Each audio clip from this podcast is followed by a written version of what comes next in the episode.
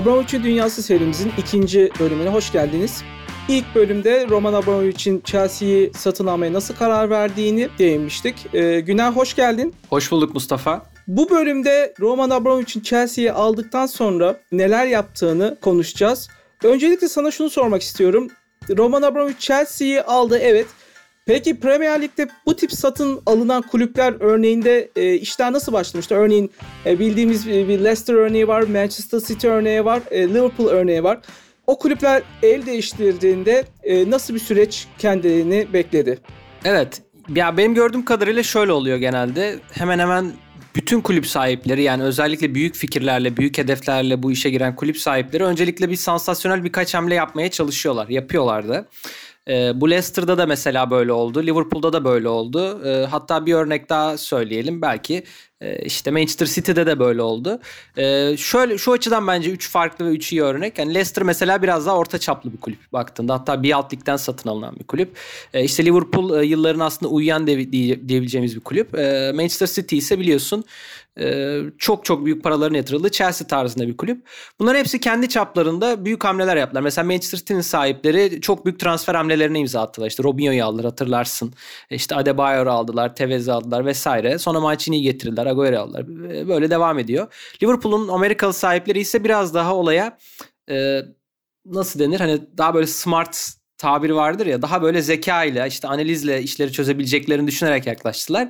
Mesela e, Türkiye'den de şu an artık tanıdığımız Damia Komolli'yi getirdiler ilk iş olarak. Çünkü e, Komolli'nin bu işleri organize edebileceğini düşündüler ve e, belki biraz şu an komik gelebilir kulağa ama Liverpool'daki sonla Fenerbahçe'deki son çok farklı olmadı birbirinden baktığında. E, Leicester City'de e, biraz e, Roman Abramovich'e benzer bir şekilde o dönemde Sven Göran Eriksson'la anlaş, anlaşmıştı mesela. Hatırlarsın ilk bölümde bahsetmiştik. E, Abramovich'in ilk gittiği isim o dönemlerde Eriksson olmuştu. Her ne kadar sonuca bağlanmasa da. Yani söylemeye çalışayım aslında hep böyle çok büyük fikirlerle başlıyorlar ama e, genellikle bu fikirler e, çok iyi sonuçlanmıyor ve çok iyi sonuçlanmadığı bir 3-4 senelik periyodun ardından her bir kulüp e, kendi yoluna giriyor bir şekilde. İşte Manchester City Barcelona'nın yöneticilerini alıyor. E, Liverpool Comolli'yi kovup e, evet yine bir analizciyi getiriyor ama bu sefer daha iyisini getiriyor. İşte Michael Edwards örneği var. E, Leicester City e, daha başka bir e, yola giriyor. Nigel Pearson'ın çevresindeki e, İngiliz antrenörlerin e, öncülüğünde bir yapılanma kuruyor vesaire. Yani şunu söylemeye çalışıyorum kabaca. Bir kulübü satın aldığınız zaman ilk 3-4 senesi genellikle biraz karışık geçiyor. Ve ilk 3-4 senede e, ortaya çıkanlar genellikle e, daha sonraki olacaklara dair de pek de fikir vermiyor.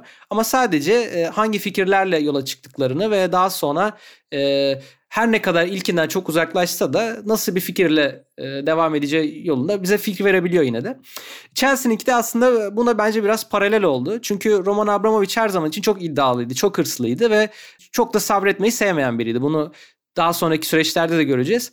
E, ilk planda çok fazla elinden bir şey gelmediği için, e, Ranieri'yi kovamadığı için veya işte e, kimi getirmek isteyeceğini bilemediği için yapabileceği her şeyi yaptı. Bu da e, çok pahalı oyuncuları almak ve işte Peter Kenyon gibi çok önemli bir CEO'yu almaktı. E, istersen buradan devam edelim. Yani ben sadece şeyi vurgulamak istedim burada senin soruna binaen. Nasıl oluyor kulüp satın aldığında? Genellikle çok iddialı giriyorlar daha sonra genellikle bir hayal kırıklığı oluyor ama daha sonra bunu bir e, rutine bağlıyorlar, düzene getiriyorlar diyebiliriz. Bence Chelsea'de biraz böyle oldu aslında. Ee, Abramovich Chelsea'yi satın aldığı döneme gidersek aslında ilk baktığımız dönemde e, büyük değişiklikleri bir anda yapmıyor. Evet dediğin gibi futbolcu pahalı hani o dönemin e, gerçekten gözde oyuncularını Chelsea'ye getiriyor, transfer ediyor ama bunu hemen bir anda hemen alır almaz yapmıyor ilk sezonda. Niye böyle bir e, politika izliyor Abramovich? Hemen e, aldığı gün değişiklikleri yapmıyor. E, buradaki tabii onun önündeki en büyük engel sanıyorum Claudio Ranieri. Çünkü e, Ranieri o sırada kulüpte dördüncü sezonuna giren bir antrenör ve Chelsea'de aslında Ranieri öncesinde de İtalyan antrenörlerle çalışma geleneği olan bir kulüp. E, öncesinde zaten Vialli çalışıyor. Kulübün o dönemdeki efsanelerinden biri Gianfranco Zola. E, aslında daha sonra bunu göreceğiz. İşte Ancelotti dönemi, Conte dönemi, Sarri. E, İtalyanlarla aslında iyi bir ilişkisi var Chelsea'nin. Ve Ranieri tabii bir de bir önceki sezon takımı dördüncü yaptığı için e, onu kovmak da çok mümkün değil. Çünkü o sırada başarılı bir antrenör. Ama e, daha sonra Ranieri Abramovich'in ilk sezonunda sezonu ikinci bitirmesine rağmen kulüpten ayrılacak. Kulüpten kovulacak ve zaten bizzat kendi ağzından da Abramovich ile arasındaki sorunları böylece duymuş olacağız. Keza şöyle diyor Ranieri. E, Roman Abramovich kulübe ilk geldiği günden beri Eriksson'u istedi. En başından beri hatta ilk geldiği yaz onunla görüştüler. Ama e, Eriksson o sırada milli takımın başındaydı ve o takımı bırakamayacağını söyledi. E, bunu söylediğinin ertesi gününde Abramovich benle buluştu ve dedi ki tamam bir, son birkaç yıldır iyi iş yapıyormuşsun bu yüzden devam edeceksin. Ama e, zaten o noktada anlamış bulunuyor Ranieri yani günlerinin sonunda olduğunu ve diyor ki eğer ben Şampiyonlar Ligi'ni kazansaydım dahi muhtemelen Abramovich beni takımda tutmayacaktı diyor. E, dolayısıyla biraz Abramovich'in devrimi diyeyim tırnak içinde gecikmeli oluyor haliyle ve hani bir sezon daha vermiş oluyor e, Ranieri'ye. Şöyle oluyor. Peter Kenyon'u getiriyor Roman Abramovich ve Peter Kenyon üzerinden belli bir yapılanmaya başlamaya çalışıyor. E, istersen sen biraz Peter Kenyon'dan bahset bize. E, senin de bildiğin bir isim olduğunu düşünüyorum. Çünkü e, futbolun endüstri tarafında aslında çok önemli bir isimdi o yıllarda.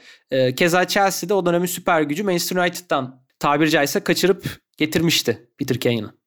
Ee, aslında evet Peter Kenyon 90'ların sonu ve 2000'li yılın ilk başlarında hani e, Premier Lig ve özelinde de hani Manchester United ve Chelsea üzerinde e, dünya futbolunda etkili bir yöneticiydi ve hatta e, en son kendisini Suudi Arabistanlı şeyhlerin e, Newcastle United'ı almak istediğinde de adı gündeme gelmişti e, tamamlanamayan süreçte. E, Peter Kenyon aslında e, bir spor e, giyim firması olan e, İngiliz spor giyim firması olan Ambro'da yöneticiydi e, Manchester United'a yönetici olmadan önce. E, Ambro'da çok başarılı işler yaptı. E, çeşitli sponsorluk anlaşmaları yaptı e, futbol kulüpleriyle ve e, Manchester United'a e, oradaki başarılı işleriyle e, geçti. İlk önce zannedersem 1996-97 olmalı. O dönemde e, kulübün yönetimine girdi ve e, CEO yardımcılığını üstlendi. 3 e, yıl içerisinde de e, CEO'lu yükseldi. Çünkü Alex Ferguson'la arası iyiydi ve Alex Ferguson'la aslında aranızın iyi olması demek kulüpte varlığınızı devam ettirmeniz anlamına geliyor. Ve CEO'luğa geldikten sonra da Manchester United'ın aslında futbola, kulübün yönetimini futbola bakış açısını değiştirdi. Nasıl değiştirdi? Dinleyicilerimiz eğer hatırlıyorsa 1990'lı yılın ikinci döneminde Manchester United yükselişe başladığında ve Premier Ligi domine ettiğinde altyapıdan çıkan futbolcular ön plandaydı. Manchester United çok yıldız transfer eden, yıldız transferine yönelen bir kulüp değildi ve e, kulübün katı maaş kuralları vardı. Yani yıldız, e, ünlü bir futbolcuyu transfer edip ona yüksek maaş vermek gibi bir geleneği yoktu kulübün. E, zaten 90'lara baktığımızda hani e, transfer ettikleri en büyük e, e, isim belki de Teddy Sheringham'dı aslında düşündüğümüzde. Ke- e, Peter Kenyon e, bunu değiştirdi. E, yöneticileri ikna etmeyi başardı ve işte e, Rio Ferdinand, Ruud van Nistelrooy, Juan Sebastian Veron gibi oyuncular Manchester United'a gelmeye başladı. Artık Manchester United global bir futbol kulübü olma yolunda ilerledi. Yani baktığımızda işte Ryan Giggs, e, David Beckham, Paul Scholes gibi altyapıdan yetişen yıldızları gençliği parlatan bir kulüpken artık herkesin gözünün önünde olduğu işte Juan Sebastian Veron'un Lazio'da yaptıklarıyla İtalya Ligi'nin en iyi orta saha oyuncusu seçildi. Rio Ferdinand'ın İngiliz milli takımının geleceği olarak gösterildi. İşte Ruud van Nistelrooy'un PSV'deki performansıyla herkesin peşinden koştuğu bir forvet oyuncusuyken bunun hepsini takıma kazandırmasını sağladı ve çok fazla gündeme gelmiyor. Ama en önemli yaptıklarından biri de aslında Alex Ferguson'ın 2000'li yılların başında artık hani takımı hem Premier Lig'de e, peşi sıra şampiyonluklar yapıp hem de Şampiyonlar Ligi şampiyonluğuna ulaştırdıktan sonra emekli olmak gibi bir fikri varmış. E, ve Alex Ferguson'ın alısının çok iyi olması nedeniyle Peter Kenyon'ın onu bu fikirden vazgeçirdiği söyleniyor. Ee, belki de hani Manchester United'ın 2013 yılına kadar süren Premier Lig'in zirvesinde yer alması, Şampiyonlar Ligi'nde her daim zirvesinde devam ettirmesindeki belki de önemli isim Peter Kenyon diyebiliriz. Eğer Alex Ferguson e, 2000'li yılların başında evet bu başarılar benim için yeterli artık ben emekli olayım kararında diretseydi ve Peter Kenyon buna engelde olmasaydı e, söylenen o ki e, belki Manchester United'ın e, son 8 yılda konuştuğumuz hala hani zirveye tekrar çıkmak isteyip ama çıkamaması e, durumu belki 2000'li yılların başında karşımıza gelecekti. O yüzden aslında hani her ne kadar Chelsea dönemiyle çok gündeme gelse de Peter Kenyon bence Manchester United dönemiyle yaptıklarında Chelsea döneminden yaptığından daha başarılı. Çünkü hani İngiliz futbolunun Real Madrid, işte Barcelona o dönem konuştuğumuz Milan gibi takımların öne geçmesini sağlayan e, en önemli e, yönetici figürdü. Yani şunu diyebiliriz bence Manchester United 1990'ların ikinci yarısında te- zirveye doğru tırmanırken zirve derken İngiltere futbolunun da zirvesiyle dünyanın zirvesine tırmanmasından, tırmanmasından bahsediyorum. Çünkü 90'ların ilk yarısında United önce adayı domine etti. İkinci yarısında ise artık dünyayı e, fethetmeye başladı. Oradaki o fethedişte de aslında bence iki ayrı kulvardan fethettiler. Birincisi sağ içinde domine ettiler. İkincisi de sağ dışında. Yani e, bir global güç haline gelmesinde, ekonomik gücünü sağlamasında bu tür figürlerin çok önemli bir payı vardı. E, işte o dönemde de mesela şu an ne diyebiliriz? Hani buzzword denir ya. Herkesin böyle ağzına pelesenk olan o belli sözler vardır belli dönemlerde. Bana göre mesela şu an günümüzde futbol dünyası için bu analiz Hani analytics dedikleri şey e, veriler işte scoutlar vesaire. E, yani Türkiye'de de söylenir bu niye şu, şu scout'u çalıştırmıyorsunuz şudur budur. 2000'lerin başında da baktığında bence endüstriyelleşmeydi. Futbolun endüstriyelleşmesiydi. E, Peter Kenyon da bu dünyanın e, o dünyanın yani en e, önemli figürüydü gerçekten ve işte senin bahsettiğin özellikle o yıldız oyuncularda e, Roman Abramovich'in kurmak istediği havalı takım için e, gerçekten gerekli oyunculardı. Bu yüzden zaten Peter Kenyon'ı e, tabiri caizse dediğim gibi kaçırdı United'dan. E, şöyle oldu devam edeyim. E, ilk yaz yaptığı transferlerin ne kadar e, büyük boyutta olduğuna yine ilk bölümde değindik hatırlarsın. Yani şey olarak e, nicelik olarak ne kadar fazla para harcadıklarına değindik. Ben şöyle söyleyeyim. E, yaptıkları transferlerde kafamda böyle birkaç kategoriye ayırdım. Birinci kategori o dönemin en göz önündeki İngiliz gençlerini topladılar o yaz transferlerinde. İşte bu Wayne Bridge, Scott Parker, Joe Cole, Glenn Johnson bunların hepsi 20'li yaşlarının başında ve o dönemin en iyi İngiliz oyuncuları. Yani şey gibi düşün. Nasıl Manchester City işte bir yaz gitti Sterling aldı 50 milyon pound'a. 4 tane Sterling aldığını düşün mesela o yaz. Ee, Manchester City'nin gerçekten boşta olan kim varsa o yaz almışlar onu. Ee, diğer yandan ligin göz önündeki artık olmuş konumdaki oyuncularını aldılar. İşte Damien Duff gibi mesela. Diğer yandan başkan kontenjanından gelenler oldu. Alexey Smertin gibi başkanın e, memleketinden alanlar. Yani böyle karma karışık bir transfer listesi o anlamda söylemeye çalışıyorum. E, bir şov amaçlı transferler oldu gerçekten. Sadece iddiasını gösteren Chelsea'nin. E, bu muhtemelen Peter Kenyon, e, Pini Zahavi ortaklığıyla gelen transferlerdi. E, işte Veron geldi, Crespo geldi, Makalele geldi aynı yaz. Ya bakar mısın inanılmaz gerçekten. E, bir de zannediyorum ki çok az bir transferde Claudio Ranier'in girdisiyle e, onun isteğiyle gerçekleşmiş olabilir. Bu da belki Adrian Muto olabilir. E, ama neticede yani çok güçlü ama çok karma karışık bir kadro bıraktı e, Ranier'in eline Abramovich ve e, yine işte Ranier'e kulüpten ayrılırken şöyle de biraz e, yani altını çizerek söylüyorum. Böyle zehir zemberek bir açıklama yapıyor. Diyor ki e, Abramovich futboldan anlamıyor. Futboldan anlasaydı benim elime ne kadar zor bir kadro bıraktığını ve ne kadar zor bir iş başardığımı görürdü diyor e, kovulduktan sonra. E, ki nitekim bir şanssız da şu oldu bence Claudio Ranier'in. O sezonu ikinci bitiriyorlar Abramovich'in ilk sezonunu.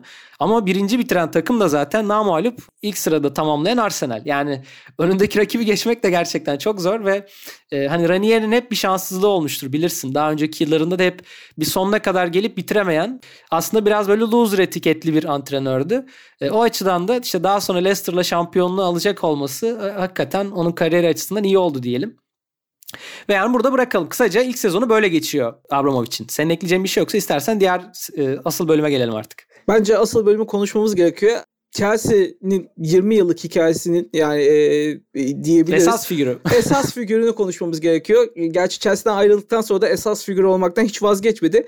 Jose Mourinho diyeceğim iki kelime. E, gerisini sana bırakacağım. I have to I have to say this. We have top players, and um, I'm sorry, I'm a bit arrogant. We have a top manager. Again, don't please don't call me arrogant because what I, I'm saying is true. I'm European champion, so I'm not one of of the bottle. I'm a, I think I'm a special one. Aynen öyle dediğin gibi. Yani Chelsea'nin aslında esas hikayesi Jose Mourinho ile başlıyor. Bütün bu hikayenin esas kahramanı Jose Mourinho denebilir ki e, sanıyorum bunun böyle olması da herhalde Roman Abramovich'i oldukça rahatsız eden bir şey olsa gerek.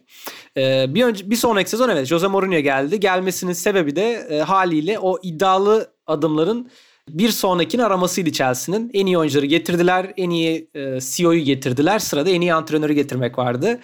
E, Jose Mourinho da hatırlarsın bir önceki sezon Porto ile Şampiyonlar Ligi şampiyonluğuna ulaşmış. E, işte son derece kendine güvenen e, bir figürdü öyle söyleyelim. E, Jose Mourinho geldi ve hakikaten tam anlamıyla ortalığı yıktı daha gelir gelmez. O ilk basın toplantısı, basına tanıtıldığı toplantı hala e, biliyorsun orada orada söyledikleri hala e, herkesin dilinde. E, çünkü basın toplantısında Jose Mourinho diyor ki evet bu takımın çok iyi oyuncuları var. Ben kendimi böbürlenmek için söylemiyorum ama ben de en iyisiyim. Özel biriyim. Dolayısıyla beni ciddiye alın diyor. Böyle bir basın toplantısıyla açılışı yapıyor. Ve bunun da aslında altını dolduruyor ama. Özellikle ilk sezonunda. Chelsea o sezon tüm sezon boyunca 38 maçın sonunda yalnızca 15 gol yiyor ve e, Jose Mourinho gerçekten de e, rakiplerini biraz da hani zekasıyla, o stratejileriyle, e, kendine has yöntemleriyle alt eden biri olarak öne çıkıyor. E, Chelsea'nin özellikle sezonun ilk yarısı benim e, yani pek çok açıdan aslında ilgimi çekmişti. Çünkü e, hatırlıyorsunuz belki Chelsea sürekli 1-0 kazanan bir takımdı o dönemde. E, hani savunması çok güçlüydü ama e, bir yandan da hücum e, güçlü, gücü çok da iyi olmayan bir takımdı aslında. Epeyce bir sürede öyle gitti. E, ama ne zamanki Arjen Robben takıma girdi Chelsea biraz çözüldü aslında. Bunu söylemek mümkün. E, Chelsea o dönemde e, ligin geri kalanı çoğunlukla hala 4-4-2 oynarken işte 4-3-3 dizilimiyle e, orta sahada bir fazla oyuncu bulunduruşuyla ve e, güçlü işte savunma disipliniyle rakiplerinin çok kolayca üstesinden gelebilen e, bir takım olarak ortaya çıkmıştı ve işte Jose Mourinho'nun da daha ilk basın toplantısında gösterdiği güçlü karizması hem işte basını hem oyuncuları e, etkisi altına almaya başlamıştı. Sonraki yıllarda hatırlayacaksın yani bir adeta baba figürü gibi e, oyuncuların etrafında e, bulundu. Ama bu hikayenin bir de farklı bir yönü var. Çünkü her ne kadar Jose Mourinho Chelsea Futbol Kulübü'nün görünen yüzü olsa da ve her şey o görünen tarafta iyi gidiyor gibi gözükse de aslında biliyor yani şu ana kadar anlatmaya çalıştığımız şey şu. Chelsea demek Roman Abramovich e, demek ve o sırada Roman Abramovich'in e, aklı pek de Jose Mourinho gibi çalışmıyordu. Onun sebebi de şöyle. E, şimdi Roman Abramovich dedik ya yakın çevresinde olan insanlar en başta girdiğinde işte e, Pini Zahavi var. E, artık Peter Kenyon var. E, işte Granovskaya var. Bruce Buck var. Tenenbaum var ama bu insanların hiçbiri futbol e, bilgisiyle öne çıkan insanlar değil. Yani buna aslında Peter Kenyon'a dahil. Hani işin e, futbolun endüstriyel yönünü çok iyi anlıyor olabilir ama Roman Abramovich'e aslında saha içinde neler olup bittiğini anlatabilecek veya e, bu yönde telkinlerde bulunabilecek, özellikle teorik anlamda bir şeyler anlatabilecek biri değil. Ve e, şunu görüyoruz aslında Roman Abramovich e, yine bu yakın çevresindeki insanlar aracılığıyla ona futbolu anlatacak birini arıyor. Bu da tabii yine rivayetlere göre, bize anlatılanlara göre böyle söyleyelim. E, bu şekilde birini ararken de karşısına bir yaşlı, kendi halinde e, sessiz bir Hollandalı çıkıyor. E, adı da Pete de Visser. E, de Visser e, yine anlatılanlara göre Abramovich ile Abramovich'in yatında zaman zaman onunla buluşan, e, ayda bir işte onunla görüşen, bazen işte birkaç gün görüş, görüşen ve ona e, aslında futbolu öğreten biri anlatılanlara göre e, futbolun nasıl oynanması gerektiği, futbol kulübünün nasıl kurulması gerektiği, e, nasıl oyuncular transfer edilmesi gerektiğine dair Roman Abramovich'i o dönemde aslında en çok etkileyen ve aslında o etkileri bugüne kadar süren biri e, baktığında ve e, Chelsea kulübünde şu anda 18. yılına e, giriyor belki de Visser. 17. yılına giriyor her neyse. E, hala bu etkisini sürdüren biri. E, bu açıdan ilginç çünkü Davis'lerin fikirleri e, Mourinho'nun fikirleriyle hemen hemen taban tabana zıt. E, şöyle söylemek lazım. Kendisi bir Hollandalı da olduğu için, o ekolden geldiği için e, öncelikle genç futbolcuların kulüp içinden çıkmasına önem veriyor ki e, biliyoruz Mourinho pek de bunu önemseyen biri değil. Öncelikle kazanmayı önemseyen biri. E, kulübün çok iyi bir akademisi olmasını ve bu akademisi e, aracılığıyla kendi kendisini döndürmesi gerektiğini düşünen biri. E, yine aynı şekilde Mourinho buna o kadar da önem veren biri olduğu söylenemez. Ve hepsinden önemlisi belli bir oyun biçimine inanan ve bunun da işte daha ziyade pas oyunu olduğuna, daha göze göz, daha göze hoş gelen bir oyun olduğunu olması gerektiğine inanan biri. E, bu da haliyle Mourinho'nun oyunuyla çok e, bağdaşan bir şey değil. E, dolayısıyla Mourinho sahada kazansa da ortaya çıkan Chelsea aslında Roman Abramovich'in çok da istediği bir Chelsea değildi. E, gelecek yıllarda Chelsea kazanmaya devam ettikçe aslında bu karşıtlıkla bir anlamda daha fazla büyümeye devam etti. Çünkü e, Chelsea kazandıkça Mourinho güçlendi ama diğer yandan da Abramovich'in istediği takımdan biraz biraz uzaklaştılar ve e, aslında bu ikilem daha sonra hem e, Mourinho açısından hem Chelsea açısından bana göre devam eden bir karşıtlık oldu. E, o da şöyle Chelsea bugüne kadar getirdiği hocalarda hep öncelikle kazanmayı aradı. Bu çünkü Abramovich'in olmazsa olmaz bir şey. Ama diğer yandan da bu e, Davisler'in attığı e, tohumlar neticesinde daha göze hoş gelen bir oyun da e, aradı Abramovich. Ama genelde antrenörler bu ikisini beraber bir arada götüremediler. E, hatırla işte mesela Andre Villas-Boas bu fikirle geldi. Olmadığı gönderdiler. E, Sarri bu fikirle geldi. Birazlarının yerinin kaderini yaşadı. Aldığı kupaya rağmen çok değer verilmedi gitti. Ve baktığımda aslında Chelsea'nin daha gözde olan hocalar hep öncelikle kazanan hocalar oldular. Conte gibi, Mourinho gibi. Yine Mourinho gibi yani iki dönemdeki Mourinho'yu onu söyleyebiliriz veya Şampiyonlar Ligi'ni kazandıkları dönemde böyle. E, dolayısıyla aslında e, Mourinho'nun Chelsea'si ve Davis'lerin fikirleriyle oluşan e, Roman Abramovich Chelsea'si aslında birbirinden ayrı iki yön izledi öyle söyleyebiliriz. E, ben aslında burada biraz Pete Davisler karakterinden de bahsetmek isterim çünkü bana göre enteresan da biri. Ya mesela ben bunu daha sonra fark ettim. O dönemde açıkçası fark etmemiştim ama Chelsea'nin ilk dönemdeki transferlerine bakarsan biraz Hollanda etkisini görürsün. Yani sadece oyuncu transferlerinde değil örneğin Gus de aslında Pete Davisler'in bir arkadaşı. Ee, Davisler zaten öncelikle PSV Eindhoven'ın danışmanı olarak görev alıyormuş. Yani ayda bir e, Gusidink'e danışmanlık yapan biriymiş. Daha sonra sadece Gusidink'e değil Chelsea'de danışmanlık yapmaya başlamış. E, hatırlarsın mesela bir Alex transferi vardı Brezilyalı stoper.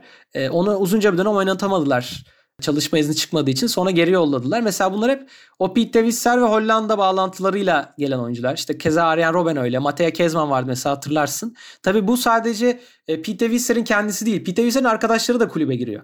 İşte bunlardan biri mesela Vlado Lemic bir e, Sırp menajer.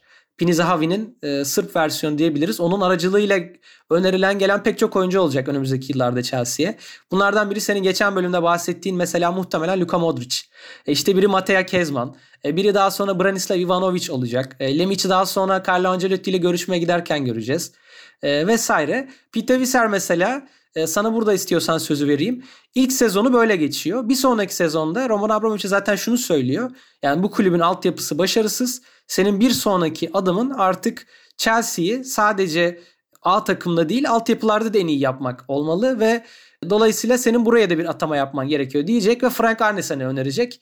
Frank Arnesen de o sırada Tottenham'da çalışan bir altyapı antrenörü diyebiliriz herhalde. Ya da altyapıyla uğraşan bir futbol adamı diyebiliriz herhalde. Ve Peter Kenyon'da yaptığı gibi e, Chelsea Tottenham'dan e, bir ezeli rakibinden böyle bir ismi kaçıracak Frank Arnesen'i. Ee, aslında bence daha da geriye gitmek gerekiyor. Ee, dediğin gibi he, Pete Davidson'in PSV bağlantısı aslında Frank Arnesen'le de bağlantılı. Çünkü futbolculuk kariyerinin e, son dönemini Arnesen kendisi bir orta saha oyuncusu PSV'de geçiriyor. PSV'de e, futbol kariyerine son verdikten sonra ardından yardımcı antrenör olarak PSV'de görev başlıyor ve yardımcı antrenörlükte geçirdiği sürenin ardından da sportif direktörlüğe getiriyor ve sportif direktörlükte 10 yıl boyunca PSV'de görev yapıyor. PSV'de görev yaptıktan sonra Tottenham'a geçiyor ve e, herkesin aklında aslında Tottenham'dan gelen Frank Arnesen var ama Pete Devisel'in e, PSV'den tanıdığı bir kişi kendisi.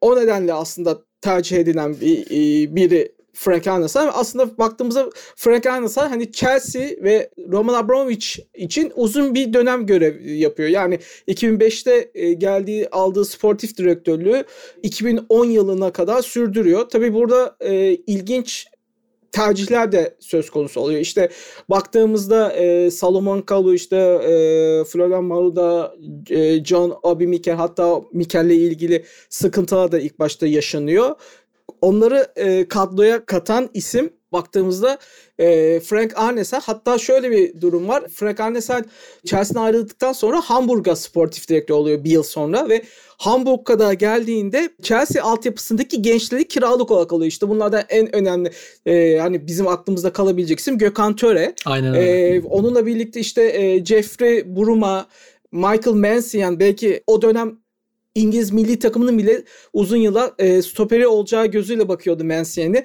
Bunların hepsini örneğin Chelsea'de görev yapmasının avantajıyla Ham- Hamburg'da kullanmıştı. Hamburg'a getirmişti. Fakat Hamburg daha sonra Metalist Kharkiv, PAOK Anderlecht ve şu anda da Feyenoord'da sportif direktörlük görevi yapıyor. Chelsea sonrası yaptığı bütün sportif direktörlük görevlerinde gerçekten istediği sonuca ulaşamadı ve hepsinde de zaten kendisi ayrılmadı, kovuldu. Ee, örneğin Hamburg'da bu futbolcuların kiralanması, Chelsea'deki genç yeteneklerin kiralanması dışında çok çok e, saçma transferler yaptı ve e, gereksiz para harcadı e, Hamburg'da ve onun sonucunda da zaten hani kendisi Chelsea'deki referansıyla Chelsea'de yaptıkları iki yıl dayanılsa da Hamburg'da iki yılın sonunda artık kendisiyle çalışılmak istemediği söylendi. Yani baktığımızda aslında Frank Arniselk e, PSV bağlantısı Hollanda bağlantısı üzerinden gelen bir Danimarkalı isimdi. 5 yıl boyunca Chelsea'de iyi işler yaptı. Ee, senin de belirttiğin gibi genç yetenekleri buldu. Ama ondan sonraki kariyeri devamlı inişler içerisinde olan bir e, yöneticiydi. Bence aslında Chelsea'deki dönemi de bu arada çok başarılı değildi Arnesen'in. Yani e, o altyapının temellerini atmış olabilir. Belki önemli bir temel de atmış olabilir. Nitekim Chelsea şu an gerçekten altyapı kategorilerinde Manchester City ile beraber İngiltere'nin en iyisi hatta dünya çapında bir kulüp. Ama e, senin de söylediğin üzere gerek yaptığı transferler gerek o transferlerin daha sonraki kariyerleri düşünüldüğünde aslında çok da başarılı oldu söylenemez Arnesen'in. E, bunu da söyleyelim. E, zaten o dönemdeki yazılara baktığımda... E, bu arada e, bir ekleme yapayım. Aslında buradaki önemli noktalardan biri de e, o dönemde Vitesse Arnhem'in Hollanda kulübü, Eredivisie'deki kulübün e, Chelsea'nin rezerv e, kulübü olarak seçilmesiydi. E, ki hala e, Chelsea altyapısındaki futbolcular ki en, en son bundan e, bahsedebileceğimiz isim Mason Mount. O kulüplerde pişti. Çünkü e, sen de e, belirteceğin gibi çok sayıda e, altyapıya futbolcu e, transfer ediyordu Chelsea fakat çoğunu A takıma çıkartamıyordu. Çıkartamadığı futbolcuların çoğunu da Vitesse Arnhem'a tecrübe kazanması için yolluyordu. Dani Alves, yet another cross from him, yet another defensive header from Chelsea.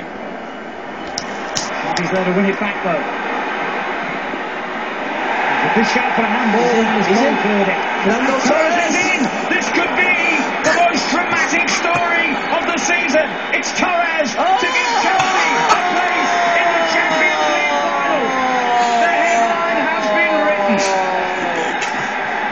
Unbelievable. Evet, yani e, hani neticede Roman Abramovich'in ideali aslında geç de olsa gerçekleşmiş oldu da diyebiliriz bir yandan ama e, Arnes'in o dönemde çok da başarılı olmadığını söylemek yani onu da vurgulamak lazım.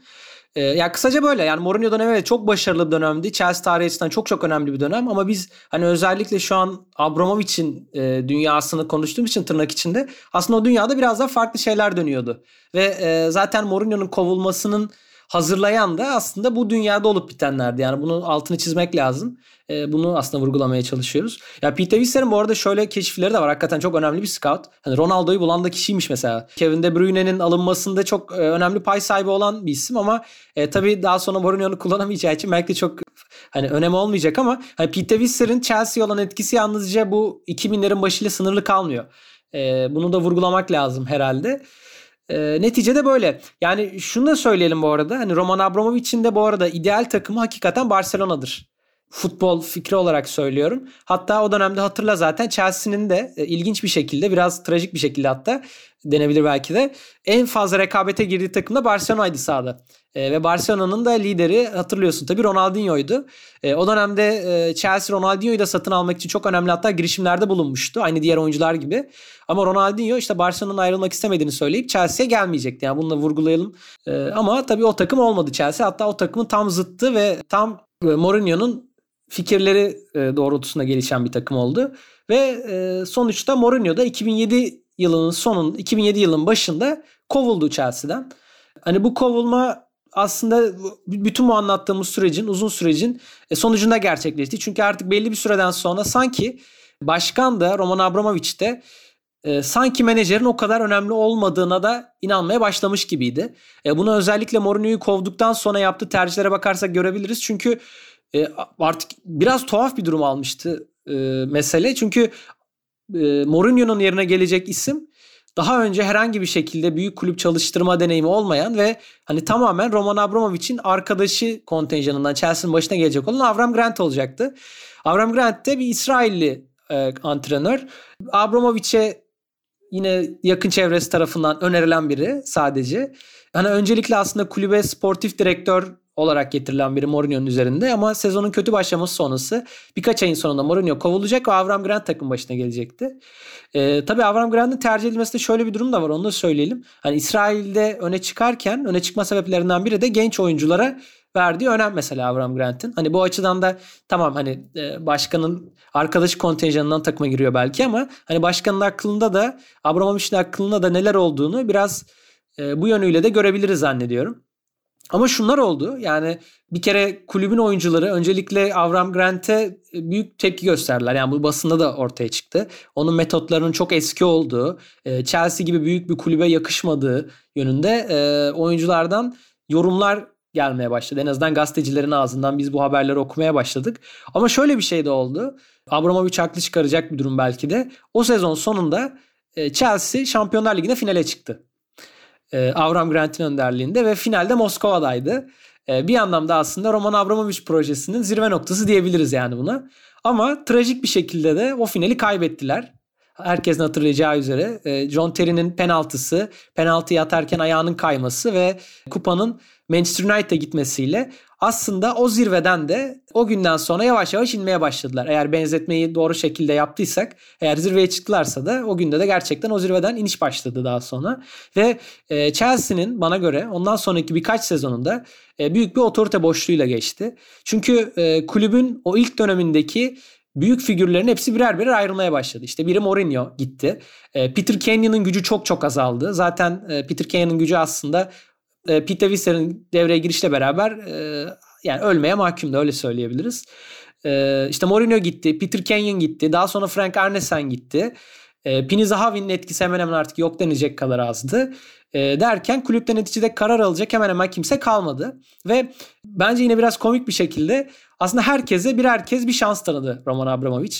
E, örneğin Luis Felipe Scolari gibi biri geldi Chelsea. Yani baktığında ne alaka diye düşünebilirsin. E, Scolari'yi getirenin mesela daha doğrusu önerenin Peter Kane olduğu söyleniyor ama e, bu atama çok kötü gerçekleştiği için Scolari'nin görevden ayrılmasından çok kısa bir süre sonra mesela Peter Kane'ın görevden ayrıldığını gördük. E, vesaire derken Chelsea'nin e, bu birinci jenerasyonu tırnak içinde yaklaşık 2010'ların başında sona erdi ve e, daha sonra daha sonraki bölümlerde inceleyeceğimiz üzere ikinci ve bugüne uzanan bir üçüncü jenerasyon başladı. E, ve Chelsea'nin çeşitli danışmanlar önderliğinde e, bu jenerasyonların ortaya çıktığını gördük biz. Gerçekten keyifli bir dönem aslında Chelsea'yi takip eden e, insanlar için.